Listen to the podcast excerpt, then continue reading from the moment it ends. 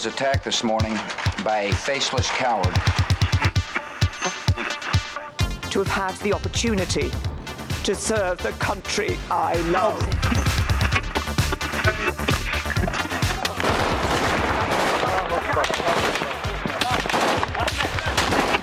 Den Einsatz für Frieden und Freiheit in Deutschland, in Europa und in der Welt. We will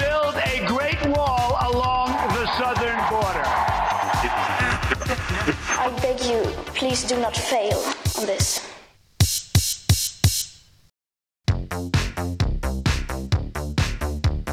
Komið sælir hlustendur góðir þegar það hlusta á 11. þátt heimskviðna, fréttaskýringa þáttum Erlend Málefni. Ég heiti Guðmundur Björn Þorbjörnsson. Og ég heiti Birta Björnstóttir. Heimskviður fjalla um það sem gerist ekki á Íslandi. Og utan úr heimi er af nægu að taka. Við verðum að mestu í Evrópu og í Bandaríkunum í dag, er það ekki? Jú, kostningar, fangelsistómar og falsfrettir og ég veit ekki hvað og hvað. Heimskviður hilsa, förstu daginn 25. oktober 2019. En áður en við höldum lengra og kynnum inn efni þáttarins skumdur er kannski verðt að nefna að Brexit, fyrirhugð útganga breyta úr Evrópusambandinu, er ekki til umfylgjunar í þessum þetti. Nei, ekki þessu sinni. Við ætlum að fjalla ítalega um Brexit í næstu viku eh, því þá verður þessi títnemdi útgöngufrestur 31. oktober liðin. Ég held ekki einu svona færustu spákonur treystir sér til þess að spá fyrir um hvað gerist næst og, og staðan breytist öll dag frá degi. Já, þetta er einn stór óvísuferð. En síðasta helgi, hún var auðvitað eina af þessum úslita stundum í Brexit-málum, eða við heldum það allavega. Já, þá ætlaði Breska þingið mögulega að greiða atkvæði um nýjasta útgöngusamningina, Boris Johnson. En þeir gera það ekki, en í staðin samþyktu þeir hérna, eins konar svona hraðahindrun eða bremsu á þessi plön Johnson. Hann þarf núna að fá samþykki fyrir öllum lagabreitingum tengdum Brexit áður en að má leggja þann útgöngusamning eh, fyrir þingið. Og þá sendi Johnson bref til Európa-sambandsins. Að og annað til að byggja um frest á úrgöngubreita úr Európa-sambandinu og hitt til að lýsa því yfir hvað frestun væri bara ömuleg hugmynd. Já, akkurat. Og breyfaskriftnara vöktu ekki síst aðtegli að því annað breyfið, þetta fyrra breyf sem hún nefnir, það var ekki undirreitað af Johnson sjálfum, líkt og vennjan er með breyfa þessu tægi. Já, það var bara kvítt aukt svæði á breyfinu þar sem undirskrift fósittis ráþarans er alla jafna.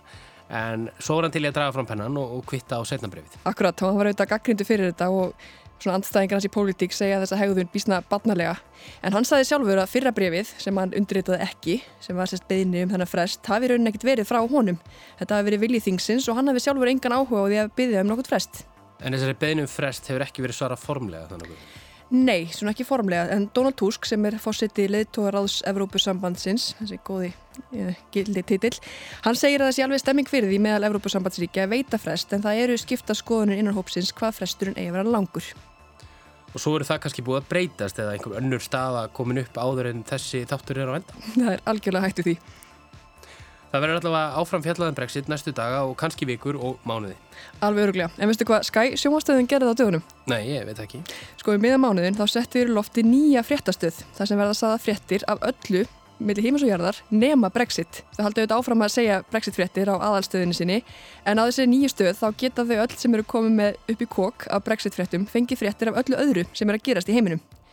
Þau tóku þessu ákvörðin meðal annars vegna skoðanakannar sem var byrt fyrir sumar og það sem komi ljós að þriðjungur breyta forðast fréttir eins og heitan eldin og 70% þessa hóps er ekki að horfa fréttir vegna brexit frétta. Já, ok. En, en við ætlum sem sagt að fjalla aðeins um brexit í næstu viku og vonum að við gerum fólk ekki afhuga fréttum með því. Akkurat. En býtu, ætlum við ekki ekki að tala um brexit í dag, svona eins og þessi skæ hlýðastöði sem nefndi aðan.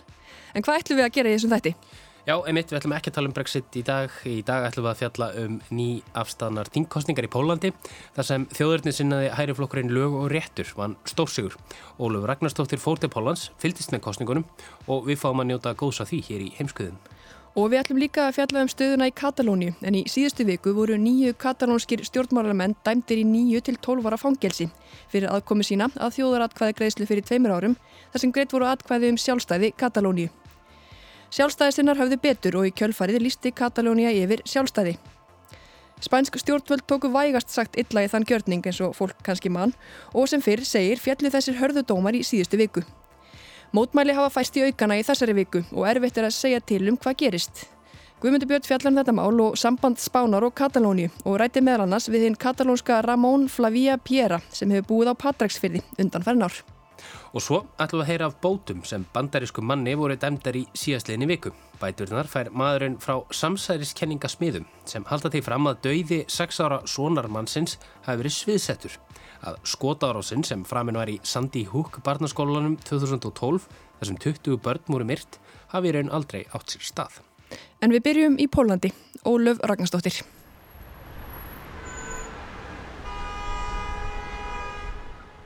Við erum stött í Varsjá, höfuborg Pólans, rétt fyrir þingkostningarnar sem fóru fram 13. oktober. Kostningar þær í landi rata ekki alltaf í heimsfrektinnar. Þær gerðu það þó í þetta sinn og það var ekki síst fyrir umræðuna í aðdraganda kostningarna. Réttindabarta hins einn fólks var allt í norðin eitt af helstu kostningamálunum. Ef þetta fólk fær aukin mannréttindi eins og að fá að gifta sig til dæmis, þá er það ógn við pólskildi og hérna hefðbundnum fjölskyldu sem er hotsteitt samfélagsins. Þetta er ofinbyr afstæða laga og réttar, flokksinn sem stjórnar Pólandi. Þetta virtist samt ekkert sérstakt ágjöfni fyrir nýja aðdraganda kostningana til Evrópuþingsins í mæ og svo þingkostningana núna.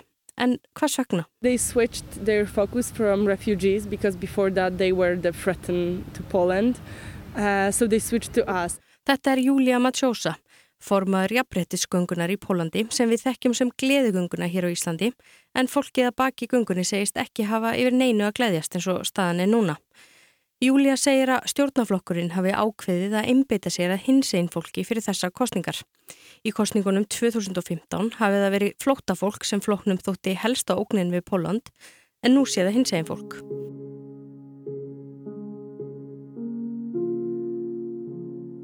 Tveimur dögum fyrir þingkostningarnar ákvað pólska ríkisvorpið að sína umdelda mynd á besta tíma strax og eftir vinsælum fókbóltarik. Myndin ber heitið Innrás og var sögð fjalla um sannleikan á bakvið réttindabartu hins eginn fólks og hvernig hún ógni pólsku samfélagi og pólskum gildum. Said again. Þetta er bara sama sagan, segir Júlia í eða því að hins einn fólk sé batnanýðingar sem vilji ræna börnum.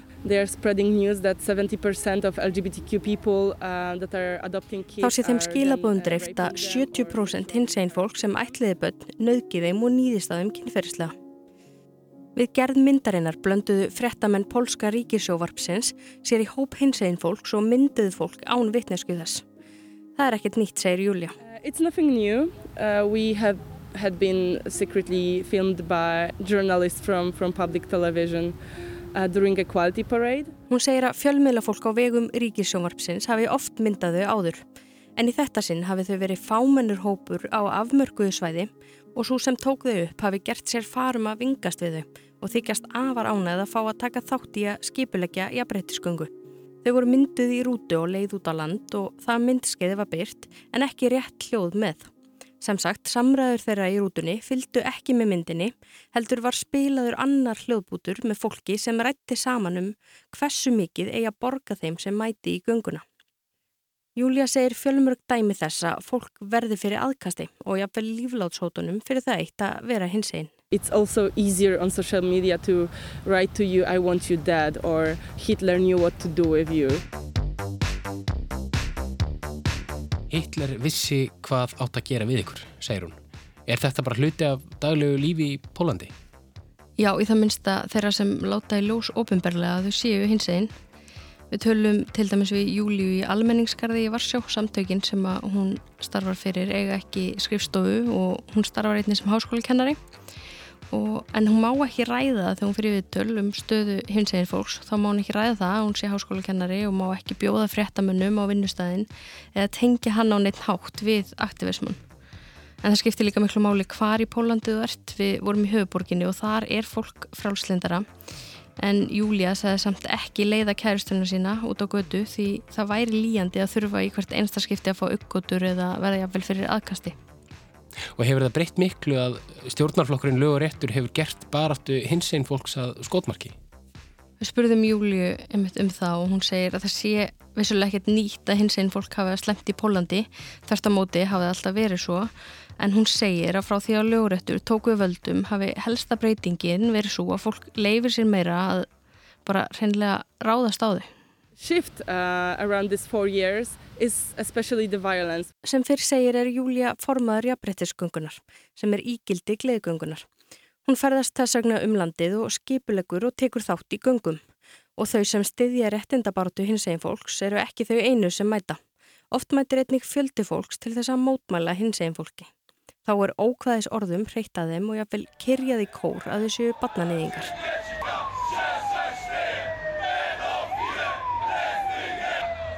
Það er vel hægt að lifa við þetta, segir Júlia, en ekki líkamlegt ofbeldi. Íðurlega þurfa brínvarðir lögreglumenn að mynda eins konar skjöld í kringum jafnbrettiskönguna til þess að tryggja öryggi þeirra sem þóra að taka þátt. Júlia lýsi því hvernig hún í fyrsta sinn ótaðist um lífsitt í sumar. We felt that we are not going to, to came out alive out of this march. Uh, we had stones, we have fire flares uh, being thrown to us. Þau voru grít og logandi kindlum kastaði átt að þeim. Júlia segist samt ætla að halda ótröð áfram. Mannrettindarsamtök nota gætnan samfélagsmiðla til þess að koma skilabóðum á framfæri en það ódýr leið til þess að ná aðtegli fólks. Það er þó ekki svo auðvelt í Pólandi. Instagram virkar ágætlega en þar er aðalega ungt fólk en svo er það Twitter. Twitter is full of bots, but also full of people uh, that we have a confirmation that were paid uh, by Ministry, Ministry of Social Justice to threaten, to bully people, to spread fake news. Býtunum við, er ríkistjónin að borga fólki fyrir að vera með áróður á Twitter? Já, Júlia er í það minnst ekki svo eina sem fullirti það við okkur. Renata Kim, bladamæður hjá Newsweek, saði okkur frá því að þegar kennarar í Pólandi fór í verkfall í vor eftir að kjara viðræður við stjórnvöld fór út um þúur, hafi notendur á Twitter byrt sorgarsögur um litlar frængur og frændur sem höfðu áhyggjur á skólagöngu sinni og það var gífulegur fjöldi Twitter-notanda sem hafði allt í innu miklar áhyggjur af skólagöngu ættmenna sinna. Hún vildi sérst meina að stjórnvöld væri á bakvið þetta og sagði að fyrir því væru sannaðir. Og svo sagði vara dómsmálar á þeirran af sér í, núna bara í ágúst eftir að komst upp um herrferð gegn dómurum í Pólandi sem eru andvýr breytingum sem ríkistjórnin hefur gert á dómskerfinu. Við tölum nánar um það síðar en herrferðin snýrist sem sagt um það að koma óorði á þessa dómara með skipulögum hætti. En Óluf, þú rættir við fleira fólkum um þessi mál. Var fólk almennt sammála?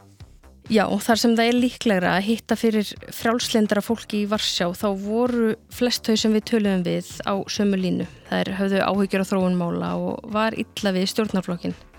En við hittum líka Setislav Krasnodebski sem situr á Evrópuþinginu fyrir hönd stjórnarflokksins, laga og réttar og spurðum hann út í stöðu hins eginn fólks og hann sér málið allt öðrum ögum. Our constitution in the article 18 says that uh, marriage is between men and women. Hann segir að skýrta sangkvæmt stjórnarskrá Póland sé hjónaband á milli Karls og konu.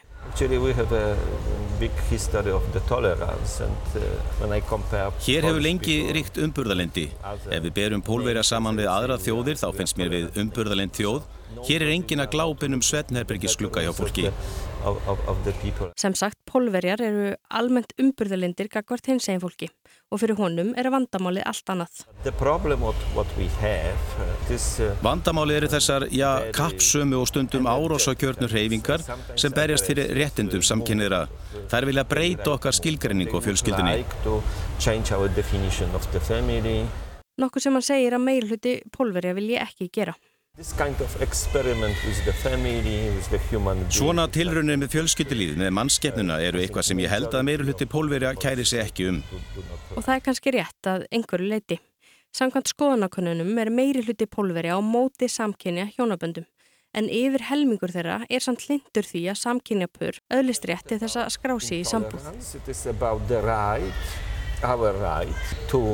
Þetta snýst ekki um umbyrðalindi, þetta snýst um okkar rétt til þess að haga okkar lífi eins og við viljum og ég held að meirur hluti pólverja óski þess að fjölskyldan sé hefbundin og náttúruleg, einn maður og einn kona. Það er ljóslega ekki auðvelt verk að berjast fyrir auknum mannréttindum hins einn fólks í Pólandi. Orðræðan í aðdraðanda kostningana er einmitt eitt af helstu áhyggjöfnum ÖSE, Öryggis og samvinnustofnunar Evrópu, sem hafi eftirlit með kostningunum í Pólandi. Ingeborg Solrún Gísladóttir fyrir um utaríkisáþra Íslands er forstjóri líðræðis og mannreittindarskrifstofu ÖSE sem er í Varsjá. Niðurstaða kostningaeftilitsins var svo að kostningarnar sjálfar fóru vel fram en stopnuninn sá samt ástæði til þess að lýsa yfir áhyggjum af þróun mála í Pólandi. Vegna þess að við sjáum teikn hér um það að það er aukinn, ég kalla það bara þjóðurremba í umræðinni og það er alið á andúð í garð uh, samkynniðra og það er áhyggjefni vegna þess að uh, sérstaklega ef við nú tala um, um hatus orðræðu þá getur hún auðvitað leitt til hatus glæpa og, og það er skilda stjórnmálumanna að reyna að hamla gegn því.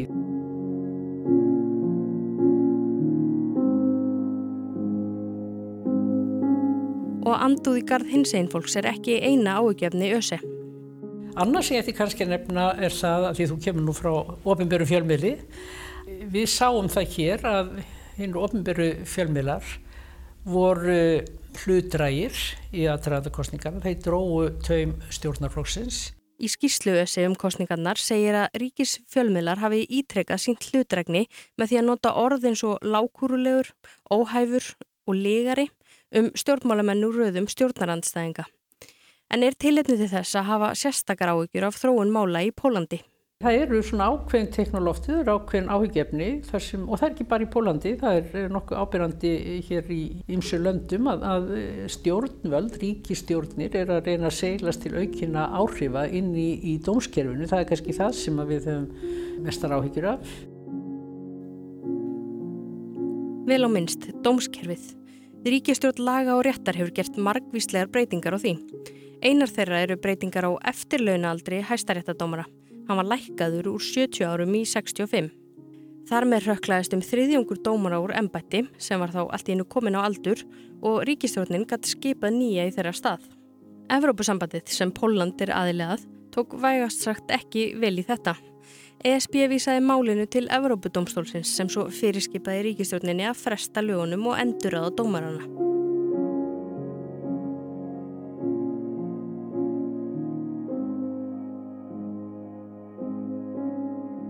En það er ekki öll sagan.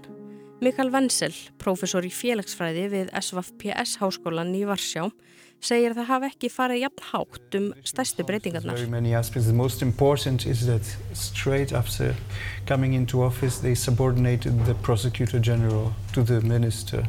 Sem sagt, dómsmálaráþeran er orðin í ríkisaksóknari. Það þýðir að hann ræður yfir öðrum saksóknurum og getur í raun ákveðið að höfða mál gegn hverjum sem er, segir Wenzel. Hann bendir einni á að lögum um hleranir var breytt.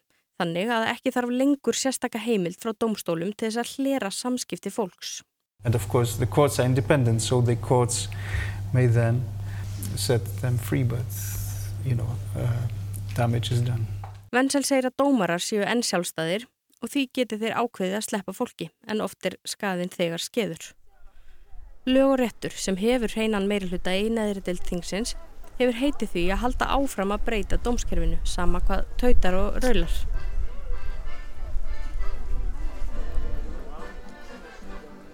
Já, hvernig fóru þessar kostningar? Áður en við lítum á það skulum við fara til Varsjar á kjördag. Við erum stött á notalegu kaffjúsi í útkverfi borgareinar. Þarna býr velmentað, und og frjálsleint fólk sem eru tilneyingu til þess að vera á móti stjórnaflóknum. Hittum tvær konur, Renötu Kim, bladamann hjá Polska Newsweek og Efur og Gala. Hún er talskona borgarstjórnans í Varsjá og hann er úr flokki stjórnarandstæðinga. En hún starfaði áður hjá ríkisútarpinu í Pólandi. I used to be a journalist uh, in, um, national, in, in Polish radio and I lo lost my job three and a half years ago, just after the Law and Justice got power. And 200 journalists in Warsaw lost their jobs. Just like that because they were not, you know, the right people to do the job for law and justice. Hún var reygin rétt eftir að lög og réttur tók við völdum á samt 200 öðrum sem störfuðu við ríkisfjölmiðlinn í Varsjá. Bara sí svona, segir Eva, að því að flokknum þóttu þau ekki rétta fólki í störfin. Það var gert í kjölfarði á lagabreitingum sem gerðu það að verkum að fjármálar á þeirra gæti ráðið og reykið stjórnendur ríkisfjölmiðla beint. Svona eins og Bjarni Benediktsson, fjármálar á þeirra Íslands, geti valið stjórnendur hér á Rúf á hans að spyrja kongni prest. Það leynir sér ekki að Eva og Renata vonast báðar eftir breytingum með þessum kostningum. We saw the political opponents being called by the worst names, being called thieves, communists, traitors. You know, when you hear such things and you think that this is Renata segir að andstæðingar stjórnarinnar séu ítrekka kallaðir yllum nöfnum, þjóvar, kommunistar og svikarar. Henni líst ekki á blikuna þegar pólverjar eru farnir að kalla aðra pólverjar slíkum nöfnum. Hvernig er samfélagið þá eiginlega orðið, spyr hún. Það er augljósta samfélagið klófið, með eða móti stjórnarflóknum. Stjórnmálinn, fjölmiðlaumfjöllun og nánast öll umræða er orðin verulega pólariseruð. Renata er til dæmis einn þeirra sem stjórnarflokkurinn hefur sett út af sakramentinu sem bladamann. Útgefundur Polska Newsweek eru nefnilega erlend fyrirtæki, nokkuð sem hugnast lögum og rétti að var illa. Flokkurinn reynda að setja lög sem banna erlendum aðilum að eiga fjölmila í Pólandi en þurfta hverfa frá því vegna þess að Póland er jú í Evrópusambandinu og þarf að lúta reglum þess. Allavega þær stöllur eru ekki hrifnar af lögum og rétti en flokkurinn er langu vinsalisti flokkurinn í Pólandi. Hvers vegna er það? They're populists. They're, they're populists. You know, they, they have simple answers for very uh, dramatic problems. And they and promise you everything. They promise you everything. Þetta eru populistar sem hafa einföldsögur við erfiðum spurningum og lofa kjósendum öllu fögru, segja þær. Já, það er mikið til í því, en flokkurinn hefur líka staðið við mikið af því sem hann hefur lofað. Fyrir kostningarnar 2015 lofaði hann barnabótum, 500 sloti á mánuði með hverju barni eftir fyrsta barn. Hann stóð við það og það munur að minna fyrir barnafjölskyldur. Fólk finnur raunverulegan mun á buttunni og það tilur. Efnahárun í Pólandi hefur sjaldan verið betri, hann hefur vaksið hratt upp á síðkastið og löguréttur hefur nýtt hagustinn. En það sem fer upp kemur yfirleitt aftur niður, svo það er spurning hvað gerist þá. Oh yes, absolutely. en þá komið að því að kjósa. I couldn't sleep at night because I, I, I wanted to be this very moment where, when actually I can go and vote. Þær stöllur voru meir en tilbúinir til þess. Renata sagðist ekki að hafa sofið fyrir spennu.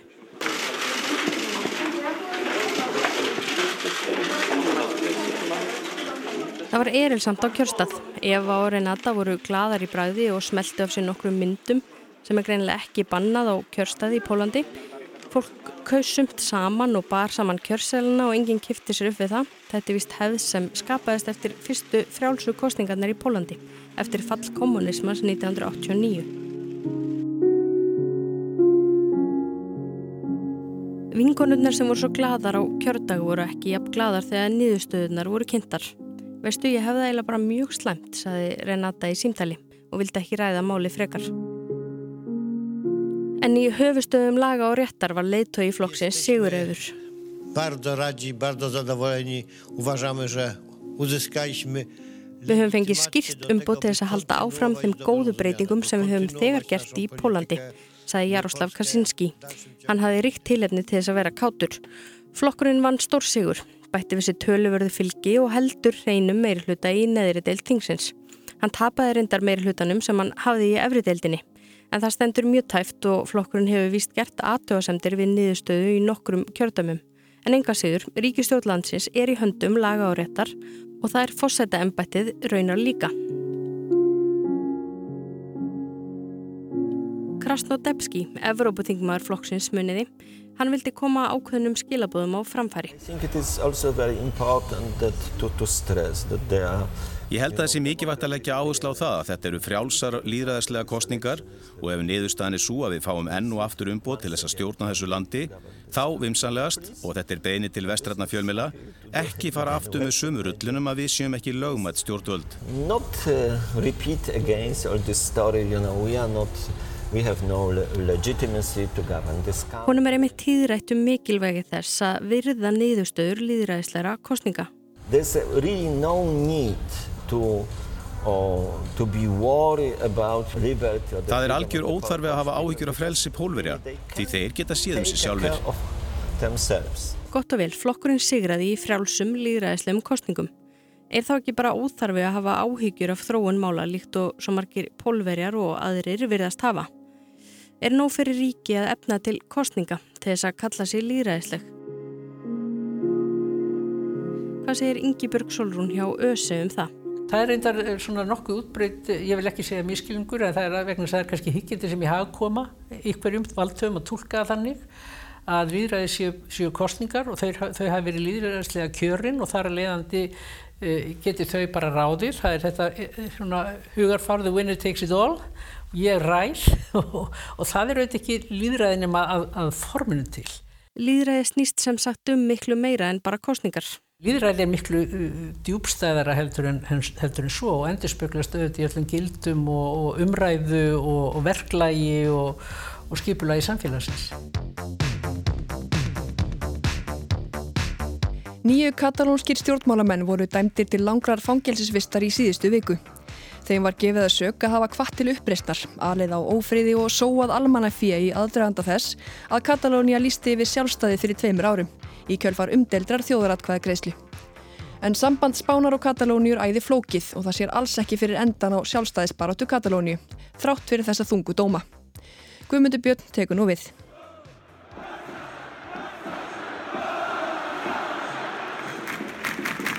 Við erum stött á Camp Nou, heimavelli spænska fókbaltaliðsins Barcelona. Eða ætti ég kannski frekar að segja katalónska liðsins Barcelona. Ég held að stuðningsmenn liðsins sem syngja og tralla á pöllunum myndu gera allavega það. Þegar líður að 17. mínútu leiksins breytist nefnilega söngur stuðningsmannana úr þessum klassísku fókbaltasöngum áfram áfram Messi er bestur inn með boltan og svo framvegis.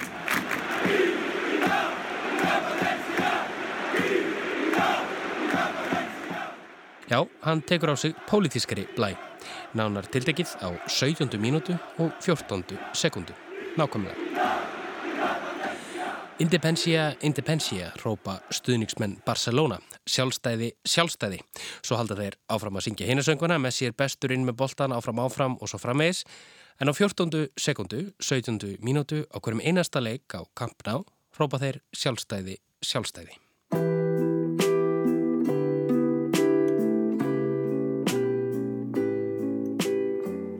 Töluðnar 17 og 14 hafa nefnilega töluverða þýðingu fyrir Katalóna, ja, nánar tiltekið ártalið 1714, en þá laug spænska erðastriðinu svo kallaða sem hafi staðið frá upphafi átjöndu aldar, konungsríkið Aragónia sem Katalónia tilheriði, saminæðist á nágrunum sínum og Filipus V spánarkonungur vildi samina ríki spánar undir einum hatti.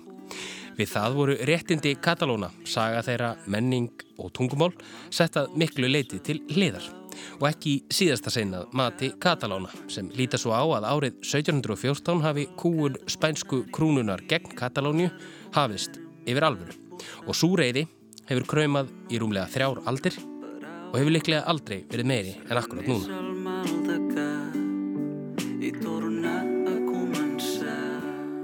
Oriol Junqueras, Dolores Bassa, Jordi Turull, Raúl Romeva, Karma Forcadell Joaquim Forn, Josep Rull, Jordi Sánchez, Jordi Cuchard. Þetta eru nýju menningarnir, nöfn hennar nýju leðtoga katalónsku sjálfstæðisreifingarinnar sem hæstiréttur Spánar dæmdi þann 14. oktober síðastliðin í fangilsi. Og þetta er engir smávegis fangilsistómar, nei á þeim er engin kvítflipa bragur eða af þeim kvíabryggi lykt. Þau voru dæmdi nýju til 13 ára fangilsi hvert fyrir aðkomið þeirrað þjóðaratkvæðagreyslu sem haldin var í Katalóníu fyrir nákvæmlega tveimur árum síðan. Það sem kosið var um hvort Katalónia ætti að tilhera Spáni áfram eða vera sjálfstætt ríki. Þau voru sakveld fyrir uppreist og misnótkun á almannafíð.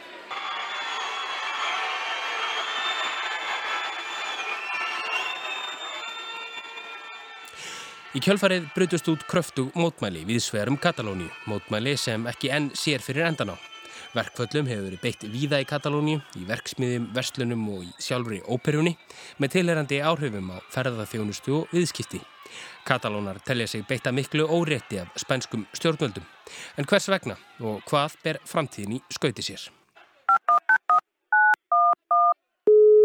Til að forvittnast betur um þetta flokna mál þarf ég að ringja vestur á Patræksfjörð. Sko, ég heiti Ramón Slavia Piera og ég er fættur og uppalinn í Barcelona. Á Patræksferði svarar Ramón sem kom hingað til landsárið 2008 sem skiptinum í Livjafræði við Háskóla Íslands en ílendist. Ástein dró hans og vestur á Patræksferð þar sem hann starfar í dag sem Livjafræðingur. Það er einhver munur á að búa á Patræksferði í Barcelona? Það er mikill munur það, er, það er bara eitthvað allt annars, sko. já, já. Já, það er munur á því að búa á Patræksferði og Barcelona og ekki aðeins út af veðurfærinu eða íbúafjölda, heldur er pólitíska staðan á þessum tveimur stöðum nokkuð ólík. Það er með öðrum orðum ekki búið að fangelsa alla sveitastjórn vestubiðar eins og hún leggur sig. Vert er að taka fram að Ramón er sjálfstæðisinni og stýður því sjálfstæðis baróttu Katalóna. Það er þó alls ekki raunin með alla Katalóna sem margir hverjir vilja ennþá tilhera Spáni. En staðan sem upp er komið núna í ljósi dóma hæstaréttar landsins yfir sjálfstæðisinnum snýstum meira en bara sjálfstæðisbaráttu Katalóníu. Mótmæli hafi verið bælt niður víða um gjörvallan spán og það er ekki aðeins katalónar sem mótmæla, heldur einnig spánverjar sem eru mjög ósáttur við hvernig stjórnvöld og lögregla hefur gengið fram. Þetta snýst í raun að vera ekki lengur um að vera Katalóni eða vera eitthvað annan. Þetta snýst um að vera uh, borgari í, í, á spáni. Nánarum það á eftir. Áðurum við höldum lengra er verðt að líta tilbaka og fjalla þessum sögu Katalóni. Katalóni er eitt af 17 sjálfstjórnarsvæðum spánar en meðal þeirra eru tvær borgir, Kauta og Melilla á norðurströnd Afríku við landamærin að Marakó. Þessi sjálfstjórnarsvæði hafa nokkuð mikið frelsi í eigin málum, sum þeirra allavega, en lúta þó öll ríkistjóðninni í Madrid. Katalóni er næst stærsta sjálfstjórnar hér eða eftir Andalúsíu söðri en í Katalóni er búa 7,5 miljón manna á landsvæði sem telur rúmlega 32.000 ferkilometra í norð-östurhluta landsins. Höfuðborgin Barcelona er svo næst fjölmennast á Spáni eftir höfuðborg Spánar, Madrid.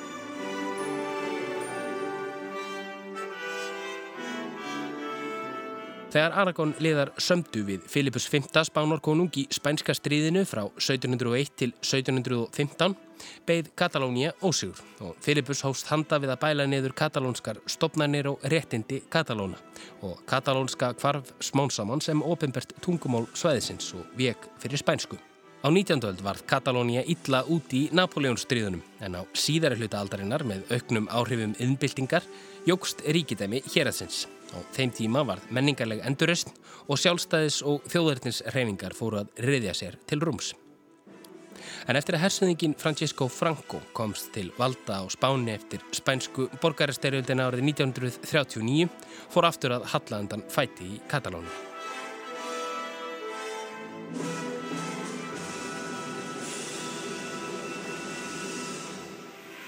Un estado totalitario armonizará en España.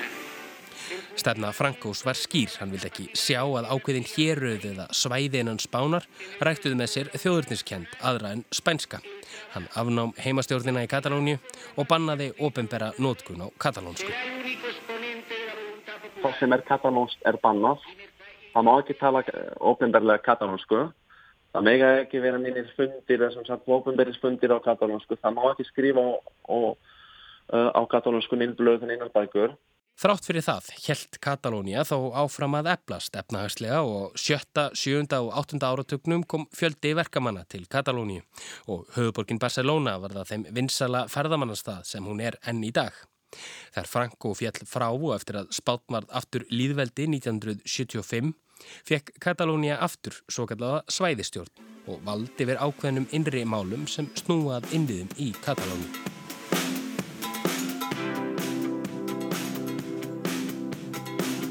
Þótt sjálfstæðisarrattir hafi aldrei alminnilega þagnað lágu þær hálpartinn í dvala í nokkra áratví þar til árið 2010 þegar gamlir draugarum óæskilega íhlutun spænskra stjórnvalda í innri málum Katalóni litu að sér hveða.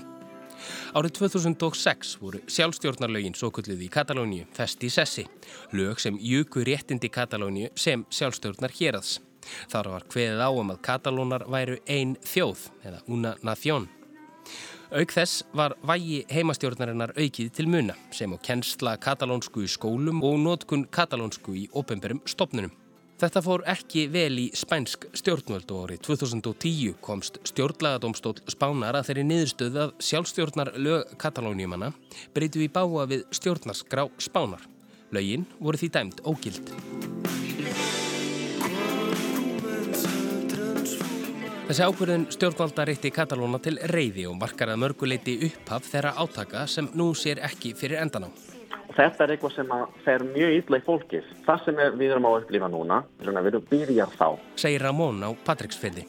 Þarna, 2010, er eins og ljósinn hafi kviknað því á katalónimönnum og þeir séð að hugmyndir þeirra um að geta stjórnað útbreyslu tungumálsins, sögu þeirra og menningar, hljóti aldrei náð fyrir augum spænskra stjórnvalda.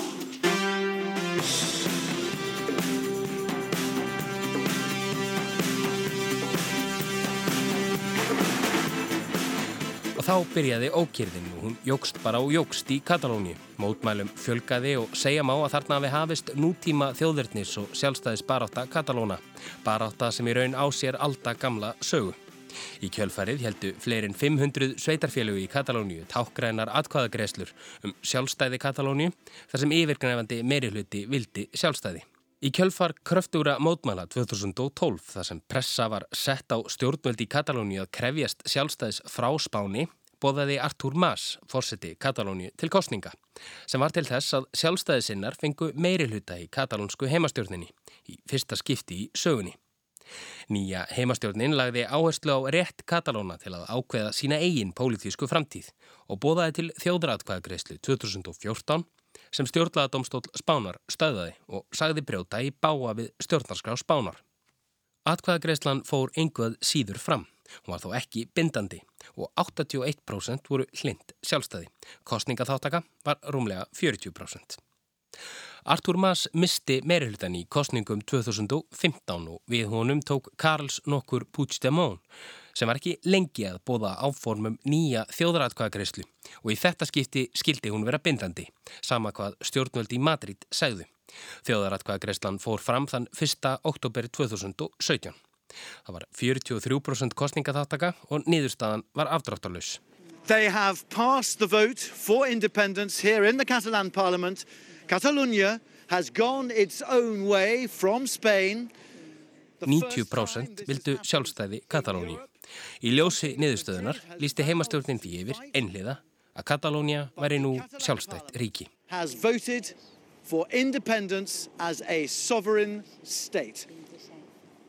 En stjórnvöld á Spáni litu þennan gjörning ekki ó á talin, á nei. Strax í kjölfarið virkjaði spænska ríkistjórnin 150.50 grein stjórnarskrárinnar sem hveður á um að stjórnvöld í Madrid geti tekið yfir sjálfstjórnarsvæði fremji stjórnvöld þar stjórnarskrár brott. Herlauruglan Guardia Civil var senda á vettvang og Katalónum send skýr skilabóð. Í kjölfarið var nýri stjórn komið á í Katalóniu undir lók ás 2017 og heimastjórnin sem lísti yfir sjálfstæði Katalóniu ákjærð fyrir tilraun til uppreistnar, ólíðni og misnótkun á almannafið. Puigdemont fórseti flúði til Brussel og hefur verið þar æg síðan. Aðrir voru ekki svo hefnir og það voru þau sem voru dæmt til langrar fangilsisvistar þann 14. oktober síðastliðin. Síðasta sumar komust þó sjálfstæði sinnar aftur til valda á katalónska þinginu þegar Kim Torra, náinn samstagsmaður Karls Puigdemont, tók við stjórnartömunum. Sjálfstæði sinnar náðu aftur völdum eftir að Mariano Rajoy rökklaðist af fósettisráðarastóli Spánar og Pedro Sánchez tók við. Sánchez hefur líst í yfir að þótt hann sé andsnúin því að önnur atkvæðagreysla fari fram í Katalónium sjálfstæði svæðisins vilji hann eiga í samræðin við katalónsk stjórnvöld. En það var á vakt Pedro Sánchez sem dómarnir þungu fjallu fyrir þessu mánuði. Ramón segir að spænsk stjórnvöld hafi ákveðið að reyða þungt til högs til að senda skýr skilabóð til Katalóna. Þau halda einhvern veginn að með því að gera þetta þau hafa af, afhausast katalónska samfélagið. Búið er að áfrýja domnum til mannreittindadómstóls Evrópu og hafa stjórnvöld víða um heim fordæmt dómana. Fórseti Alþingis hefur meðal annars komið áhugjum íslenskra stjórnvalda á framfæri við fórseta Evrópiþingsins þá sér í lægi af þungum dómi Carme Forcadell fyrir um fórseta Katalóníu þings en hún var dæm til 11 og hálsás fangilsisvistar auk þess sem hún hefur setið í gæsluvarhaldi síðastleginn tvö ár.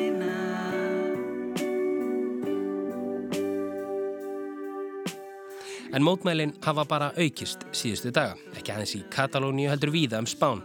Núverandi stjórnvöldi í Katalóníu hafa fengið þau skilabóð frá spænskum stjórnvöldum að grein 155 verði aftur virkið verði þau ekki stöðuð sem og ef bóðað yrði til annarar þjóðaratkvæða greiðslu. En það er einmitt það sem katalónar vilja. Alfred Bosch, núverandi utarikismála ráðherra katalónsku heimastjórnarinnar, saði nýverið í umræðaþættinum Hard Talk í breska ríkisjónvarpinu BBC að stjórnvöld á Spáni vilji ekki samtal, en samtal verði enguð síður að eiga sér stað, því katalónar eigi það skilið. Uh, They, they're, they're anything. Boss segir að Pedro Sánchez hafi ekki viljað koma til móts við Katalóna, þrátt fyrir lofvorðum samtal. Katalónar vilja aðeins betri framtíð fyrir sig og þeir eru í rétt á því. Því þurfi að tala um nýja þjóðaratkvæðagreyslu. We're not hating anybody. We just want a better future. And we're entitled to that because we're full citizens. We're not half citizens. So why can't we vote about our future? We want to right. go there. We want to vote. We're not imposing this on anybody. So why can't we talk about this? That's the best way out. And there's no other way out nowadays. Og undir það tekur Ramón. En svo, spá, en svo er spátn út í alveg að, að, að, að, að tala, að tala við Katalóníu.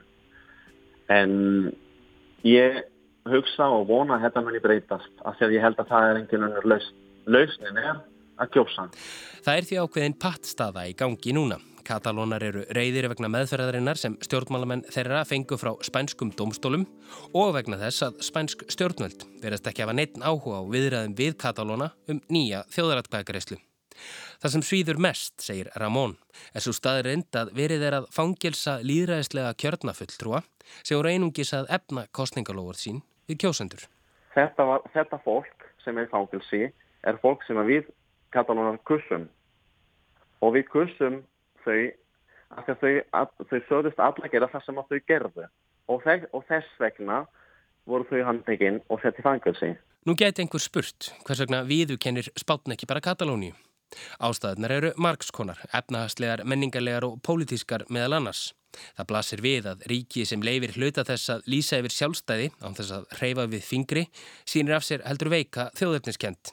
Spámerar eru stoltir af arliðsynni og það að heimila Katalóni að lýsa yfir sjálfstæði geti eftir í förmið sér að önnur svæði eins og til að mynda Baskaland sem hefur staðið í stríði við spænsk stjórnvöld áratugum saman myndi gera slíktið sama. Það er fáhært að nokkurt ríki heimili slíkt. Þá ber einnig að nefna að Katalónia er eitt ríkasta hér að spánar, skilar hvað mestu inn í þjóðarbúið, en tekjur Katalóniu koma frá ferðamennskum, útflutningi og margskonar yðnaði. Katalónsk stjórnvöld áætla að ein og sér skili Katalónia spáni tekjum upp á rúmlega 200 miljardar evra á áskrundvelli, eða um 20% af heldar landsframlegslu spánar. Ef Katalónia erði sjálfstæð er talið að svæðið myndi græða um 16 miljardar efra á ári, peninga sem annars færu í skatta og önnur gjöld í Madrid. En þetta er ekki alveg svona einfalt og því hefur verið spáða til langstíma leitið gæti katalónskur efnahagur liðið fyrir aðskilnað frá Spáni. Þar sem er yfirlega þriðjungur útflutningsvara frá Katalóníu fyrir beint til annara svæða á Spáni. Er því Katalónia sjálfstæð þyrti þetta nýja ríki að semja upp á nýtt við Spán með tilherandi kostnaði. En það eru fjölmarkir katalónar sem reyndi ekki vilja aðskilnað og vilja hafa hlutina eins og þeir eru, eða allavega eins og þeir hafa verið undanfarna áratví. Engin er þó sáttur við stöðuna eins og hún er í dag. Og undir það tekur sjálfstæðisinninn Ramón á Patreksferði, hvorki katalónar nýjespánverjar séu sáttir við þá óvissu sem nú ríkir. Nauðsynlegt sé að alþjóðsamfélagið láti í sér heyra. Ekki aðeins svo katalónar getum frjálst höfuð strókið, heldur svo að þessi atbyrðar ás endurtaki sig ekki annar staðar. Sko það sem að ég hugsa og ég vona er að fleiri rattir munu heyrast. Fleiri rattir ég er að tala um rattir annars þar frá.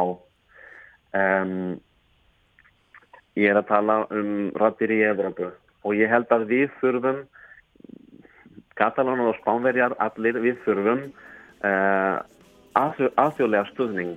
Uh, sko þetta vandamál sem er að gera svona í Katalóniu gæti gert annar staðar.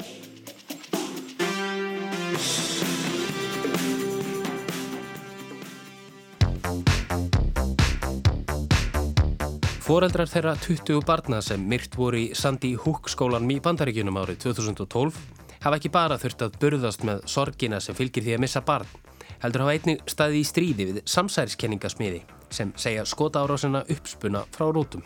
Í síðastliðinni viku fekk fadir eins barnana dæmdar bætur frá mönnum sem skrifuð bók sem heitir einfallega Engin dó í Sandy Hook. Birta Björstóttir veit meira.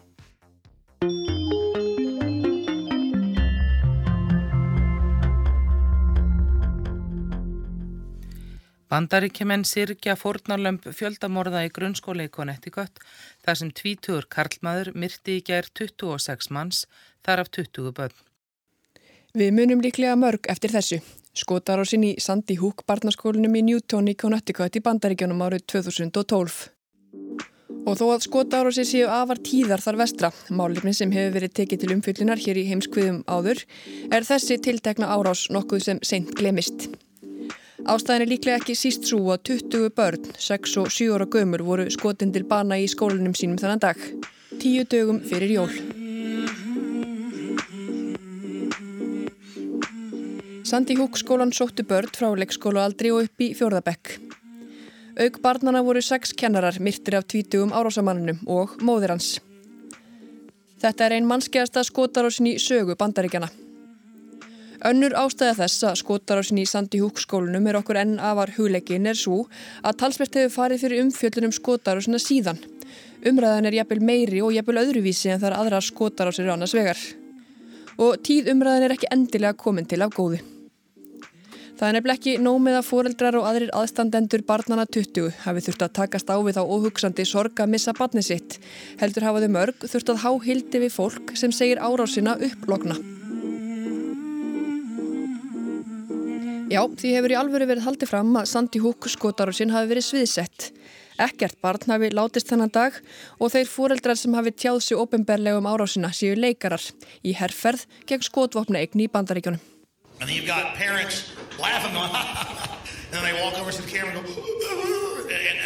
Not just one, but a bunch of parents doing this. Then we see footage of one of the reported fathers of the victims, Robbie Parker, doing classic acting training where he's laughing and joking and they say, hey, we're live. And he goes, oh. Þarna heyrðum við í Alex nokkrum Jones viðra evasemdi sínar í vef og útastætti sínum Infowars. Að hinnir meintu fóreldrar hafi mörg verið skelli hlæjandi en kveikt á táraflóðinu um leið og kveikt á tökuvélum fréttastöðvana í kring. Alex Jones hefur verið einna fyrirferðamestur þeirra evasemda pjessa og hefur undir merkjum Infowars verið yðin við að básuna þeim kenningum sínum að skotarásin í Sandi Húk hafi verið uppspunni.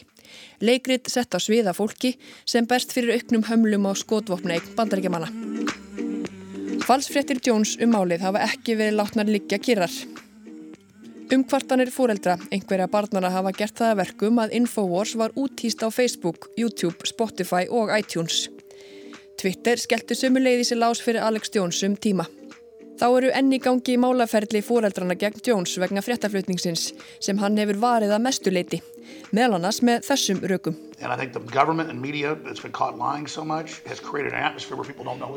So sem sagt að stjórnvöld og fjölmiðlar hafi logið svo mikið gegnum tíðina að almenningur veit ekki lengur hvað sé satt og hvað ekki. Hann seti því eðlilega spurningamerki við ímislegt sem stjórnvöld og fjölmiðlar haldi fram í þessu máli sem og öðrum. Og þó að Jones hafi að einhverju leiti dreyið í rand með yfirlýsingar sínar síðar, sannast líklega í þorkvæðina að orðum fylgir ábyrð. Því að Alex Jones talaði ekki við galtóman bergmálshellin. Þó það hljómi eftir vil ótrúlega eru þau mörg sem taka orðum Jones sem helber um sannleik. Svo mjög að dæmiður um að foreldra barna sem myrt voru í Sandi Húkskólunum hafa þurft að flytja vegna tíðra morðhótana fólks sem sakar þau um að ljúa til um dauða barnana sinna. Þannig er það í tilfelli Leonard Postnes sem er kveikjana þessari umfyllun í dag. Postner voru nefnilega dæmdar bætur fyrir þessu mánuði frá mönnum sem deila skoðunum Alex Jones. Þeir heita James Fetzer og Mike Palasek og lág báðum svo mikið á hjarta um málefnið að þeir gafu út fyrir nokkrum árum bók sem heitir einfallega Nobody Died at Sandy Hook eða Engin dó í Sandy Hook. Eins og nafnið gefur sterklega til kynna eru í bókinni reyfaðar hugmyndir og rauk fyrir því að alls enginn hafi látist í Sandi Húk skólanum þennan dag. Undir því vildi postner ekki sitja og höfðiði mál gegn höfundunum tveimur. Rökin fyrir málsókninni voru að með falsfréttum sínum hafi höfundarbókarinnar valdið honum og öðrum ómældum andlegum skada. Postner er eitt þeirra fóreldra sem hefur tekið hvað flesta slægi við fólkið sem efast um voðaverkin í Sandy Hook. Því þau byrjuðu snemma að herja á hann. Hann var ekki búin að jarðsetja sex ára svonsinn Nóa þegar fyrstu evasemdaratirnar voru viðræðar á netinu. Postner var þá meðal annars spurður hvað hann hefði fengið greitt fyrir að taka að sér hlutverk hins sirkjandi fóreldris. Þar var slegin tótnin í barattu sem Postner stendur ennþann dag í dag í. Meðal þess sem Postner fann sig knúin til að gera þegar áður nefnd bók kom út var að byrta ofinberlega dánarvottorð sex ára svona síns. Svona eins og hann þyrti að sanna í eitt skipti fyrir öll fyrir umheiminum að sex ára sonur hans væri í alvöru ekki lengur á meðalvor. Þá hefur hann einnig lagt fram lífsíni úr sér og látnum síni sínum til að sanna svart á kvítu að hann sé í raun sá sirkjandi fadir sem hann er. Mörgum þykir það kannski helst til langsótt en fyrir postner vakir að eigða orðrómi, falsfréttum og lígum með sannleikan að vopni. Í viðtalið við CBS sjómastöðuna segist hann aðspurður ekki hafa fundist hann ætti þann möguleika að láta falsfréttinar kjurra liggja. Most people probably would have just walked away and you didn't. I never thought I had the option to walk away. Because? Because that was my life now. The father of a murdered child and the name associated to an online conspiracy theory. Þetta var nýja hlutverki mitt, fadir dreng sem var myrtur, með nafn sem kom fyrir á vefsíðum til einhverjum samsæðiskenningum. Í málsókninni gegn bókarhöfundunum tveimur fylgdi það sögunni í ákjærunni að bókin hefði virkað sem ólíja á eld áður nefnds hóps sem deilir trú á kenningum Alex Jones og félaga. Lucy Richards reyn þeirra, kona sem afplánaði fimm mánuða fangilsistóm fyrir líflátshótanir gegn sirkjandi föðurnum Leonard Postner. Dómari í Wisconsin fjælst í síðustu viku á all þessi rauk og dæmdi höfunduna tvo til að greiða föðurnum 450.000 dollara í skadabætur.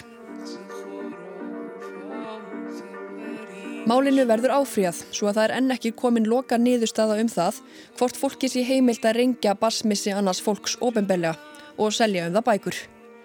Þá eru málaferli fóraldrana gegn Alex Jones enn ekki til líkt að leitt. Þetta er því ekki það síðasta sem við heyrum af raugræðum um hvort allir hefur rétt á sínum sannleika. Því það eru raug þeirra sem gefa út bækur og halda út í útvarpsþáttum með evasemdum um dauða 20 barna, að með því að sekta og ávita þau fyrir málflutningin sé verða að skerða málfrelsið þeirra. Þetta er jú frjálsland og allir hafi rétt á sínum skoðunum. Rifjast þá upp algengur frasi úr umræðum um falsfréttir. Orð sem eignuð eru Daniel Patrick Moynihan, félagsfræðingi og fyrirmaraðgefa Nixons. Þau hljóma einhvern veginn svona. Allir hafa rétt á sínum skoðunum, en ekki endilega sínum staðrendum.